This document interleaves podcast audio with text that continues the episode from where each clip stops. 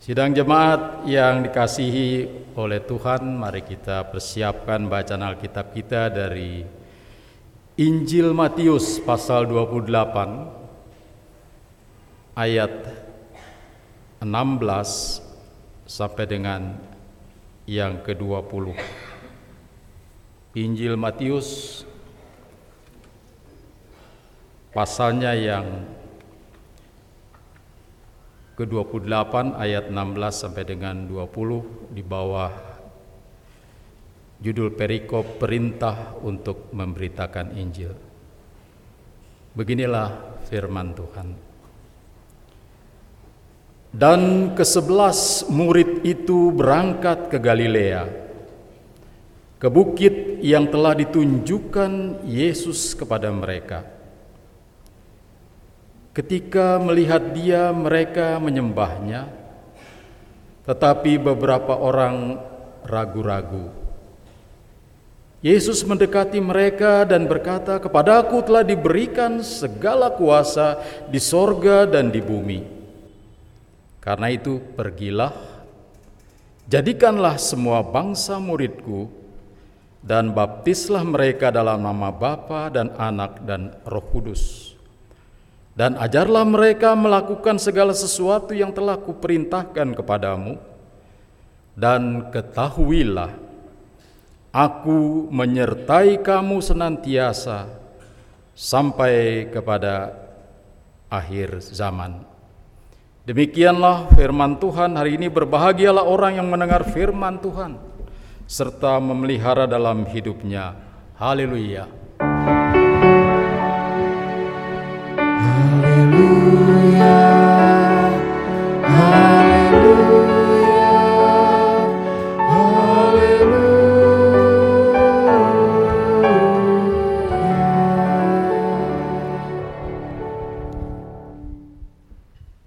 pagi Bapak Ibu sekalian, salam sejahtera baik yang ada di gereja maupun di rumah.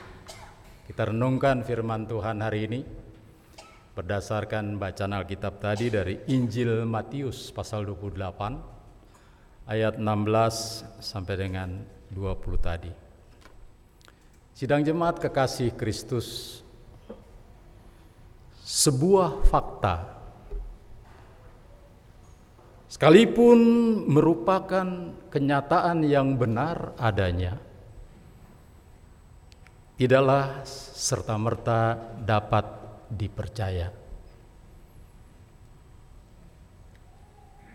Kecenderungan manusia yang kerap meminta bukti secara langsung menjadi salah satu penyebabnya. Terlebih bila fakta itu meskipun merupakan kenyataan yang benar adanya tak biasa menurut pandangan umum dan sulit dipahami secara nalar,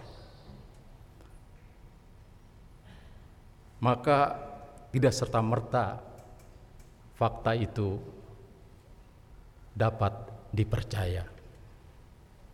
Perlu konfirmasi, perlu penegasan agar semuanya menjadi jelas dan kemudian menjadi fakta yang dapat dipercaya. Seringkali bila fakta itu terpapar, terbeber begitu saja tanpa ada konfirmasi, penegasan, dia akan bisa menjadi fakta yang membuat orang tak mudah percaya bahkan bisa berkembang menjadi berita yang simpang siur lalu membingungkan. Saudara-saudaraku yang dikasihi oleh Tuhan Yesus, peristiwa kebangkitan Tuhan Yesus di awal terjadinya juga merupakan fakta yang tidak serta-merta dipercaya. Dia berkembang menjadi berita yang simpang siur atau tepatnya disimpang siurkan oleh kalangan tertentu sehingga membuat ragu dan bingung banyak orang termasuk murid-murid sendiri saudara murid-murid Tuhan Yesus sendiri ada yang tak serta-merta mempercayai fakta itu kisah yang sangat klasik tentang Thomas dan Kleopas misalnya membeberkan hal tersebut. Betapa tidak serta-merta mereka percaya akan kebangkitan Tuhan Yesus itu. Bisa dimaklumi, saudara, karena peristiwa kebangkitan orang mati, meskipun yang bangkit itu adalah Tuhan Yesus, memang merupakan fakta yang tak biasa menurut pandangan umum. hingga tak mudah diterima secara nalar insaniah kita sebagai manusia. Padahal Tuhan Yesus sudah beberapa kali mengatakan kepada murid-murid bahwa aku akan bangkit kembali dari kematian. Tiga hari setelah aku mati, aku akan bangkit kembali. Peristiwa penyaliban Tuhan Yesus rupanya sangat memukul secara telak kejiwaan murid-murid. Sehingga mereka tak ingat lagi ucapan itu. Belum lagi bila ditambah dengan perasaan-perasaan yang menggayuti mereka, rasa takut, rasa terancam, tanda petik keselamatan mereka oleh orang-orang yang tidak menyukai Yesus dan juga para pengikutnya, saudara. Misalnya ada upaya yang dilakukan oleh mahkamah agama pada saat itu yang apa istilah saya menggoreng berita tentang kebangkitan Tuhan Yesus itu menjadi sebuah dusta. Oh itu cuma dusta, dicuri oleh murid-muridnya. Sehingga mayatnya tak ada lagi dalam kubur.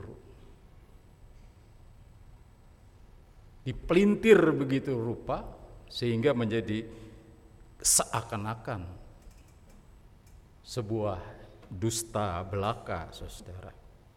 Nah, dalam keadaan seperti inilah perlu penegasan, perlu konfirmasi, bukan sekedar klarifikasi, atau dalam bahasa sekarang bukan sekedar tabayun saudara tapi sebuah penegasan yang menyatakan bahwa kebangkitan Yesus itu adalah sebuah fakta yang benar adanya yang otentik yang sungguh-sungguh dapat dipercaya. Agar tak menjadi berita yang simpang siur dan membingungkan. Sehingga murid-murid juga banyak orang menjadi percaya, lepas dari keraguan, kebingungan, ketakutan, bahkan ketidakpercayaan bahwa Yesus sesungguhnya sudah bangkit sebagai Tuhan yang hidup. Nah, penegasan inilah yang sangat mengedepan, mencuat secara kuat sebagai pesan utama bacaan Alkitab kita pada hari ini dari Injil Matius pasal 28 ayat 16 sampai dengan 20 tadi yang menjadi bahan bacaan Alkitab kita hari ini. Dalam bagian Alkitab sebelumnya, yakni di pada ayat 9 dan 10 sebenarnya Yesus telah menegaskan perihal kebangkitannya kepada para perempuan yang menjenguk kuburnya pada pagi-pagi hari sekali. Bahkan seorang malaikat Tuhan datang menyampaikan Yesus sudah tidak ada lagi di sini, sudah bangkit. Untuk apa kamu mencari orang yang hidup di tempat orang yang mati? Dia sudah bangkit. Dan kemudian Yesus sendiri menyampaikan pesan kepada para perempuan itu, sampaikanlah berita tentang kebangkitanku ini kepada murid lainnya dan sampaikan bahwa aku akan menjumpai mereka di sebuah tempat di Galilea. Dan benar saudara, menurut ayat 16 dan 17, pada sebuah bukit di Galilea, Yesus menjumpai murid-muridnya itu. Ia menegaskan perihal kebangkitannya sebagai sebuah fakta yang benar adanya. Terlebih ketika dia melihat ada beberapa muridnya yang masih ragu-ragu. Maka penegasan tentang kebangkitannya itu sangat perlu untuk dinyatakan. Saya baca ulang ayat 17 bacaan Alkitab kita hari ini. Ketika melihat dia, melihat Yesus, mereka menyembahnya, tetapi beberapa orang ragu-ragu. Itu yang terjadi, saudara. Pernyataan penegasan ini, saudara, perlu disampaikan, maka Tuhan Yesus menegaskannya. Bukan hanya menegaskannya, bahkan ia juga menyampaikan perihal hakikat dan eksistensi dirinya selaku Tuhan dan Juru Selamat. Ayat 18 mengatakan demikian. Yesus mendekati mereka dan berkata, Kepadaku telah diberikan segala kuasa di sorga dan di bumi. Bukan cuma soal kebangkitannya, tapi mengenai hakikat dan eksistensi dirinya. Siapa sebenarnya diri Yesus itu? Segala kuasa di sorga dan di bumi telah diberikan kepadaku Tentu melalui peristiwa kebangkitan sebagai fakta yang benar adanya tadi, saudara. Saudara,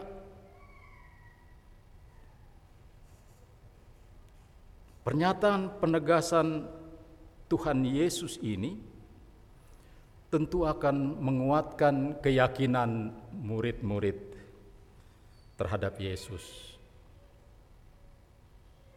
Tuhan yang hidup itu. Terlebih ketika murid-murid akan melaksanakan tugas yang Tuhan Yesus amanatkan. Pernyataan penegasan itu bagaikan bekal atau modal kerja yang sangat berharga guna penunaiannya. Di mana Tuhan Yesus akan menganat, mengamanatkan tugas kepada murid-murid, maka penegasan seperti itu sangat perlu untuk disampaikan sebagai bekal atau modal kerja bagi penunaian tugas yang akan diamanatkan oleh Tuhan Yesus itu. Sebagaimana Tuhan Yesus telah memulai tugas dari Galilea, maka sekarang giliran murid-murid untuk memulai tugas yang Tuhan Yesus amanatkan juga dari Galilea itu. Kini saatnya mereka semacam turun gunung, saudara. Turun gunung untuk menunaikan tugas seperti yang dulu pernah Tuhan Yesus lakukan. Ini istilah turun gunung memang sedang trending juga saat-saat ini. Dalam era yang penuh dengan nuansa politik, banyak orang yang bilang saya akan turun gunung secara politis dengan berbagai intriknya, tapi bukan itu yang Tuhan Yesus maksudkan, saudara. Sekitar tiga tahun Tuhan Yesus telah menyiapkan momen ini dengan mengedukasi, dengan menggembleng, dengan membimbing dan disempurnakan dengan janji penyertaan sepanjang hayat ketika murid-murid akan melaksanakan tugas yang diamanatkannya itu. Sekitar tiga tahun Tuhan Yesus menyiapkan momen ini, saudara. Kalau kita baca ayat 19 dan 20 yang juga menjadi nas pembimbing kita pada hari ini mengatakan, karena itu pergilah jadikanlah semua bangsa muridku dan baptislah mereka dalam nama Bapa dan Anak dan Roh Kudus dan ajarlah mereka melakukan segala sesuatu yang telah kuperintahkan kepadamu dan ketahuilah aku menyertai kamu senantiasa sampai kepada akhir zaman. Saudara-saudaraku yang dikasihi oleh Tuhan Yesus, mengikut dan percaya kepada Tuhan Yesus sebagai muridnya ternyata memiliki dimensi yang kaya. Tuhan Yesus atau kita tidak sekadar mengikut dia, apalagi ikut-ikutan. Tapi Tuhan Yesus ketika memanggil kita untuk percaya, maka dia memberikan bekal-bekal. Makanya mengikut Yesus dan percaya kepadanya ternyata memiliki dimensi yang kaya. Apa dimensi itu? Pertama, edukasi diberikan. Kedua, gemblengan diberikan oleh Tuhan Yesus. Ketiga, bimbingan diberikan dan yang keempat, penyempurnaan dari semua itu adalah janji penyertaannya yang senantiasa. Bukan yang temporer, bukan yang setengah-setengah, bukan yang separuh-separuh, tapi ketahuilah aku menyertai kamu senantiasa sampai kepada akhir zaman. Mari kita lihat satu persatu. Pertama, dimensi edukasi, pembelajaran atau pengajaran. Tuhan Yesus tidak sekadar memanggil murid-muridnya untuk ikut dia tanpa dibekali apa pun. Hai Simon, hai Andreas, mari ikut aku. Ayo ikut, pokoknya ikut. Tidak, saudara. Tapi dia memberikan edukasi ketika memanggil murid-muridnya untuk percaya dan mengikut dia. Ucapannya dan kamu akan kujadikan penjala manusia misalnya. Ucapan ini memiliki pengertian pembekalan yang edukatif agar mereka benar-benar mampu menjadi penjala manusia yang memberi ruang kehidupan. Ruang hidup Bukan seperti penjala ikan yang kerap membiarkan hasil tangkapannya mati. Bahkan kalau sudah mati bisa membusuk. Kalau sudah membusuk tak ada gunanya lagi saudara. Tapi ketika Yesus memanggil murid-muridnya, ia memberikan edukasi. Pembekalan, pembelajaran supaya mampu menjadi murid-murid pengikut yang memberi ruang hidup ketika mereka dalam istilah Alkitab ini menjadi penjala manusia, saudara.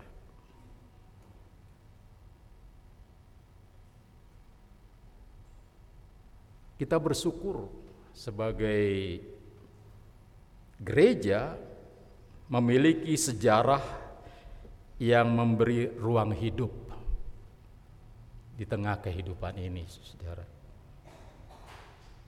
Gereja kita, gereja Kristen Pasundan di awal-awal kehadirannya itu melakukan pewartaan kabar baik, pemberitaan Injil itu dengan memberi ruang hidup. Hadir di tengah-tengah kehidupan ini misalnya melalui pelayanan pendidikan. Kita bisa melihat jejak-jejak yang kuat tentang bagaimana gereja kita memberi ruang hidup melalui pelayanan pendidikan. Pelayanan pendidikan itu adalah mengangkat orang dari kebodohan sehingga dia mampu untuk mengembangkan dirinya di tengah-tengah kehidupan ini, Saudara. Itu ruang hidup yang diberikan oleh gereja sebagai penjala manusia. Lalu pelayanan kesehatan, saudara, itu juga dilakukan oleh gereja kita dalam sejarah pewartaan Injilnya. Pelayanan kesehatan adalah mengangkat orang dari beban penderitaan karena sakit sehingga dia menjadi sehat dan dapat mengembangkan dirinya di tengah-tengah kehidupan ini, memberi ruang hidup, saudara. Kita bersyukur untuk hal ini. Nah, gereja yang memberi ruang hidup seperti ini mesti kita lanjutkan, kita kembangkan, saudara. Mengedukasi warganya mulai dari anak-anak kita di sekolah minggu, anak-anak kita di remaja dalam katekisasi, KRT, KTM, PA, pembekalan edukatif lainnya yang tentu sangat berguna dalam relasi dan interaksi dengan sesama di keseharian hidup yang dijalani. Sehingga ruang hidup itu akan hadir dan tercipta. Bahkan gereja juga harus semakin terlihat fungsi dan perannya sebagai persekutuan murid Tuhan yang membuka dan memberi ruang hidup secara eksternal, bukan cuma internal. Oh, kita saja asik dengan diri sendiri tidak, tapi keluar juga demikian seperti di masa lalu misalnya melalui pelayanan pendidikan dan kesehatan tadi. Zaman sekarang adalah eranya kolaborasi. Tidak lagi saling gontok-gontokan, tidak. Maka gereja juga harus terbuka untuk bekerja sama dengan berbagai pihak termasuk juga dengan pihak yang berbeda sekalipun. Berbagi terhadap sesama dalam arti yang luas, bukan hanya untuk diri sendiri. Kita berbagi, tapi juga dalam arti yang luas. Peduli terhadap masalah kekinian. Tanggal satu yang lalu kita baru saja sebagai masyarakat dan bangsa memperingati hari lahirnya Pancasila. Menurut survei katanya banyak orang maaf ini kalau saya menyebut orang-orang muda yang tak peduli lagi pada Pancasila. Apa betul itu? Apa pemuda gereja juga begitu? Saya kira tidak ya. Kecuali orang-orang tuanya juga tidak peduli pada Pancasila. Mungkin anak mudanya ikut-ikutan juga. Sejauh mana gereja juga peduli terhadap masalah seperti ini. Misalnya bagaimana kita menaruh kepedulian pada penguatan kesatuan bangsa yang sangat beragam di negeri kita ini.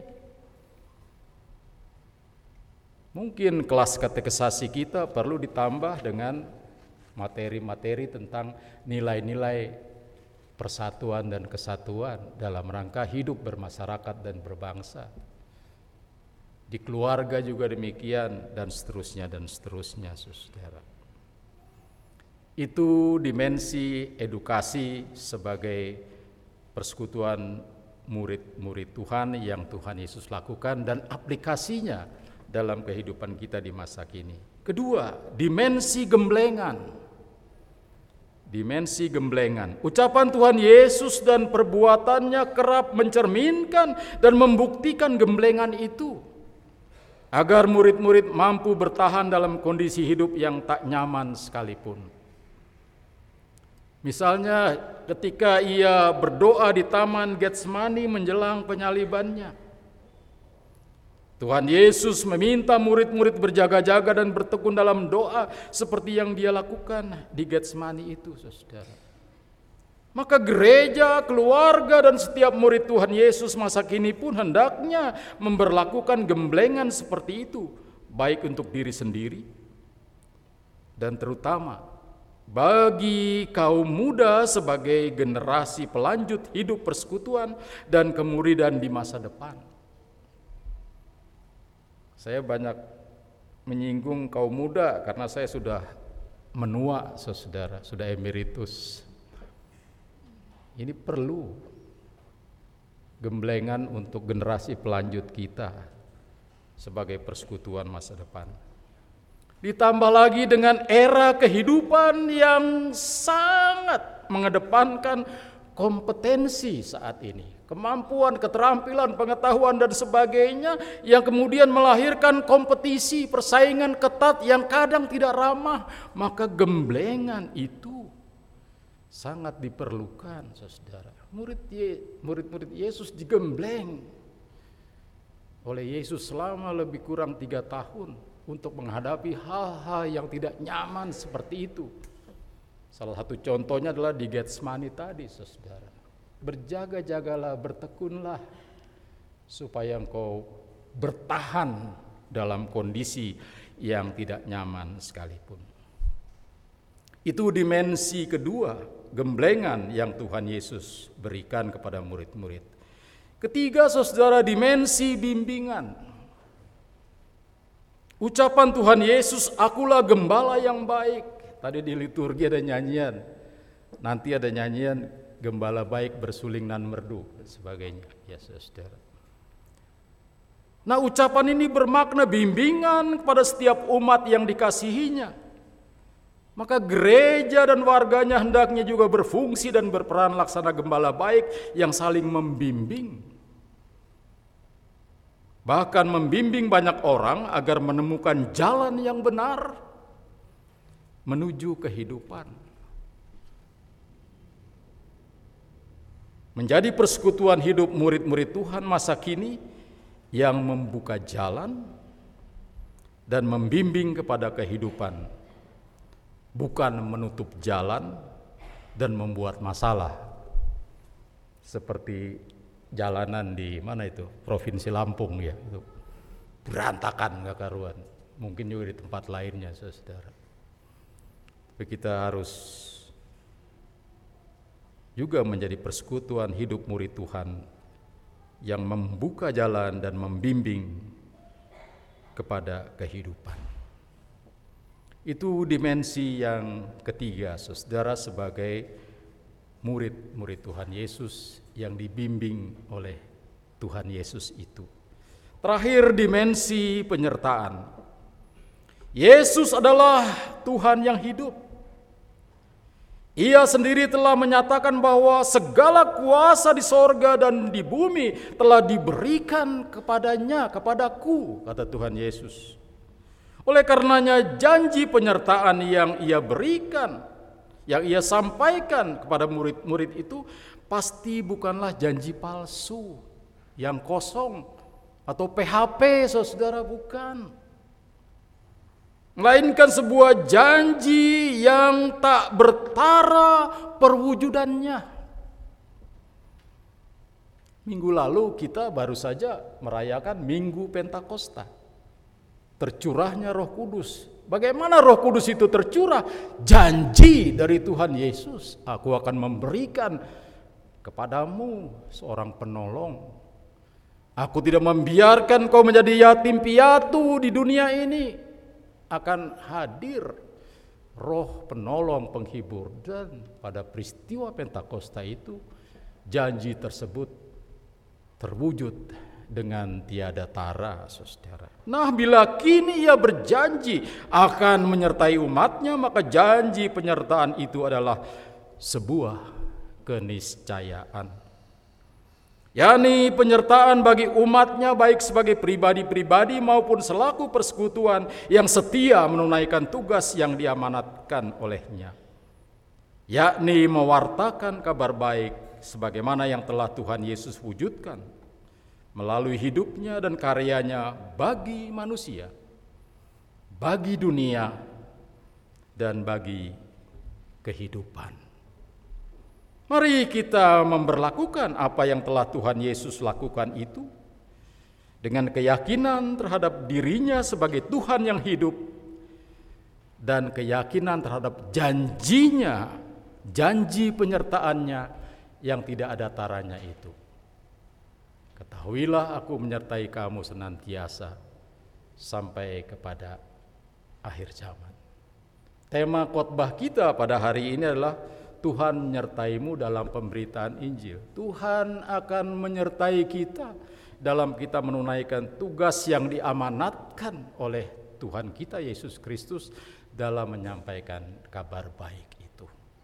Dan janji itu bukan janji yang kosong, tapi janji yang pewujudannya akan terjadi sebagai pewujudan yang tidak ada taranya. Saudara-saudaraku, baik yang ada di gereja ini maupun yang ada di rumah masing-masing, saya ingin mengakhiri renungan firman Tuhan pada hari ini dengan membaca ulang ayat 18, ayat 19 dan ayat 20 firman Tuhan yang kita dengar, kita renungan pada hari ini. Yesus mendekati mereka dan berkata, Kepadaku telah diberikan segala kuasa di sorga dan di bumi. Karena itu pergilah, jadikanlah semua bangsa muridku, dan baptislah mereka dalam nama Bapa dan Anak dan Roh Kudus, dan ajarlah mereka melakukan segala sesuatu yang telah kuperintahkan kepadamu. Dan ketahuilah,